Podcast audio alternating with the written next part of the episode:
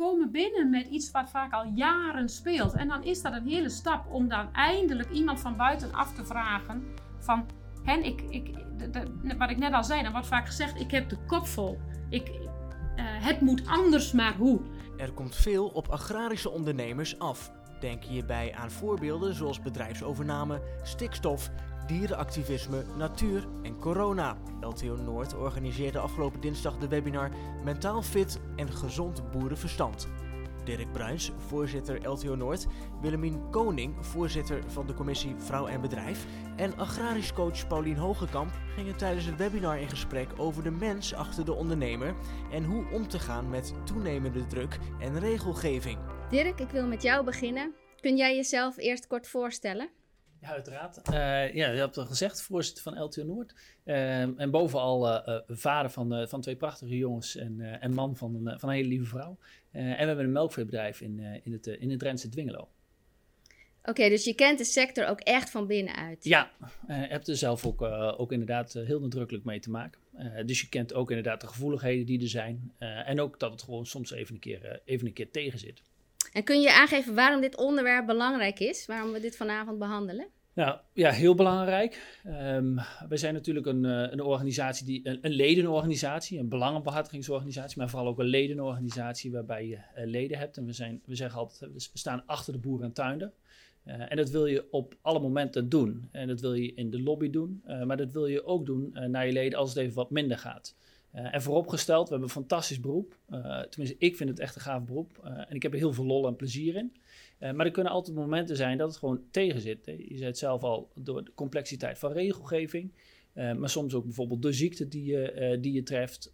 of door andere omstandigheden die zich in de privésfeer voordoen. En dan heb je ook altijd te maken met je bedrijf die je, die je door te zetten hebt. En dat kan soms gewoon wat extra mentale druk opleveren. Uh, en dan is het er goed als je met elkaar daar uh, oog voor hebt, om dan te kijken als het wat minder gaat met iemand, uh, dat je daar ook zorg voor hebt. en dat je die door een moeilijke periode heen kunt helpen. Ja, absoluut. Dat hoort natuurlijk ook bij het ondernemerschap. Dat de ondernemers fit blijven en ook naar elkaar omzien. Ja, en ik denk zeker bij een, bij een sector zoals ons, hè, waar je heel erg te maken hebt met, met leven, met het voortbrengen van, van, van gewassen, van producten, van je dieren, de zorg die je daarvoor hebt. Dus dat zorgen, dat zit ook wel een beetje volgens mij in onze genen. Wat, wat is nou nu misschien wel een extra druk die op de sector afkomt? Hoe kijk je daarnaar? je ziet wel een enorme complexiteit uh, uh, toenemen. Uh, en dat zie je de afgelopen tijd is dat inderdaad heel erg zichtbaar geworden richting de boerenprotesten. En die gingen vooral om, die gingen ook over stikstof. maar die gingen ook heel erg over van, worden we nog wel gehoord? Worden we nog wel gezien? Uh, en zoals ik zei, boeren en tuinders zijn volop bezig met hun bedrijf. Uh, proberen uh, het goede te doen. Die hebben echt zorg. Die staan zeven dagen in de week, 24 uur per dag, staan ze klaar voor hun gewassen, voor hun, hun dieren, om daar zorg voor, voor te hebben. Als je dan soms neergezet wordt, bijvoorbeeld door zo'n opmerking van een, Tjeer de Groot, die zegt de veestapel halveren of de helft van de boeren kan wel weg. En dan doet dat heel veel met mensen. Nou, en als je dan ook nog te maken hebt met dat prijzen bijvoorbeeld onder druk staan, of met complexe regelgeving die je op, op je af ziet komen, waarvan je denkt van ja, hoe komen we hier doorheen? Dan kan het gewoon een enorme knauw kan dat geven aan, uh, aan je mentale weerbaarheid.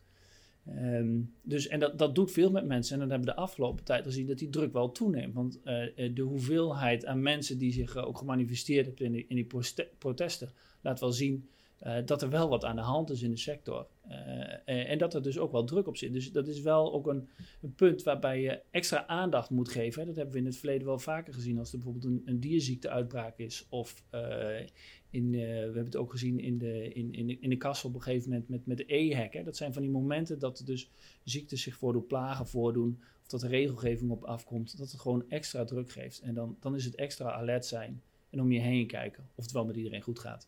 Ja, ja. En dan hebben we bij LTO Noord natuurlijk ook een informatiecentrum. Wat voor uh, ja, steun en hulp kunnen mensen daar krijgen? Nou, die, hebben die heeft een hele belangrijke rol. Want het informatiecentrum wordt natuurlijk al heel, heel, heel veel gebruikt voor, voor vragen die men he heeft. Hè, van als de regelgeving verandert of uh, uh, gewoon een technische vraag. Van, dat je uh, niet een adviseur hebt waarvan je denkt van hé, hey, daar past die vraag bij. Dan, dan zoek je het informatiecentrum van LTO op. Dat, dat zien we vaak. Uh, maar met het informatiecentrum is er ook gewoon goed op getraind om, uh, om altijd goed te luisteren naar de mensen. Ik bedoel, er zitten mensen die heel goed kunnen luisteren. Uh, en die horen soms meer als dat er, dat er gezegd wordt. En dan belt iemand op voor misschien een financieel vraagstuk wat hij heeft. Maar als doorgevraagd wordt, blijkt dat er meer aan de hand is. Dat er andere zaken spelen. En dus zo'n informatiecentrum is echt wel ook, ja, zo'n signaalfunctie heeft hij. Nou, die kunnen dat oppikken en die zijn daar ook voor opgeleid. Dus die kunnen ook doorvragen en kijken van, was dit nou de echte vraag waarmee gebeld wordt of zit er hier meer achter? en is er misschien wel meer zorg voor nodig? Uh, en zouden we kunnen doorverwijzen naar uh, partijen die hier goed in kunnen helpen en ondersteunen. Uh, Paulien, welkom. Kun jij beginnen met jezelf even kort voor te stellen? Ja, dat kan. Ik ben Paulien Hogekamp, geboren, getogen en altijd werkzaam geweest in de agrarische sector. Ik heb samen met mijn team van agrarisch coaches, psychologen en mediators het bedrijf Hogekamp Agrarische Coaching en van daaruit uh, begeleiden wij boeren ehm, rondom persoonlijke dilemma's.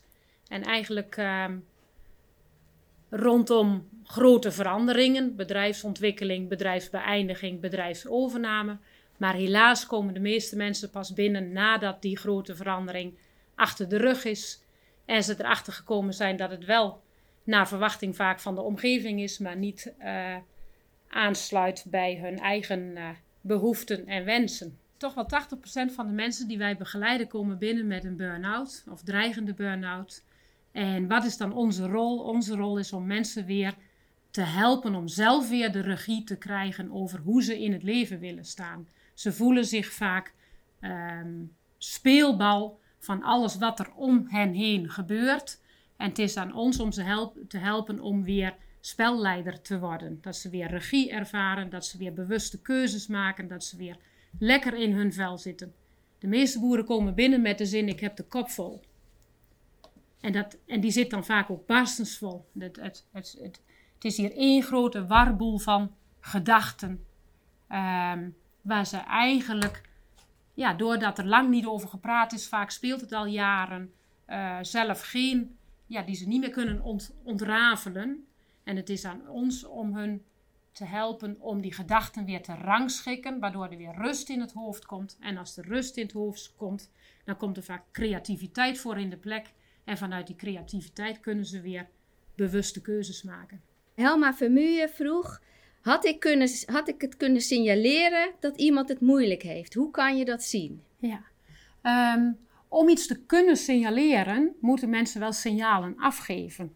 Hè? Dus um, zeker, in, en dat zal ook voor een andere functie gelden, maar in het geval van een boer, op het moment dat hij in de rol van boer zit en je hebt het over inhoudelijke gesprekken, praktische, technische thema's, dan zet vaak hè, mensen die niet lekker in hun vel zitten, die zetten vaak op dat moment een masker op en praten ja, uh, over die thema's, uh, omdat het heel veilig is. En boven de, uh, boven de waterlijn noemen wij dat, een veilig onderwerp. En als jij als ontvanger verder niet specifiek op de mens doorvraagt, dan ga je naar huis, heb je helemaal niks gemerkt. En dan is ook niet zo raar dat je niks merkt, want die ander heeft ook geen signaal afgegeven. Maar als iemand wel een signaal afgeeft, dan mag je er 100% van uitgaan dat die persoon al heel lang heeft gewacht voordat hij het benoemt.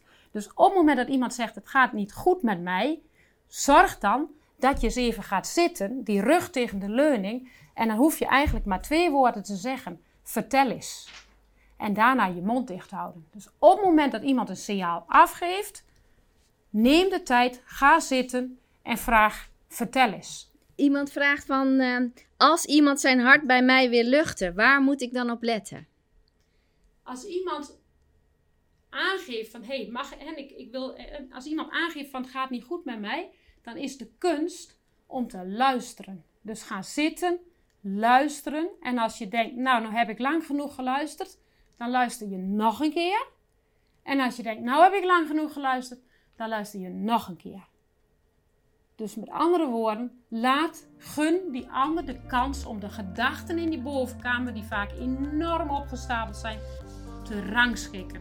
En als de ander leeg is, leeggelopen, geef dan aan dat er professionele hulp bestaat en dat je die persoon kunt helpen om de stap richting professionele hulp te zetten.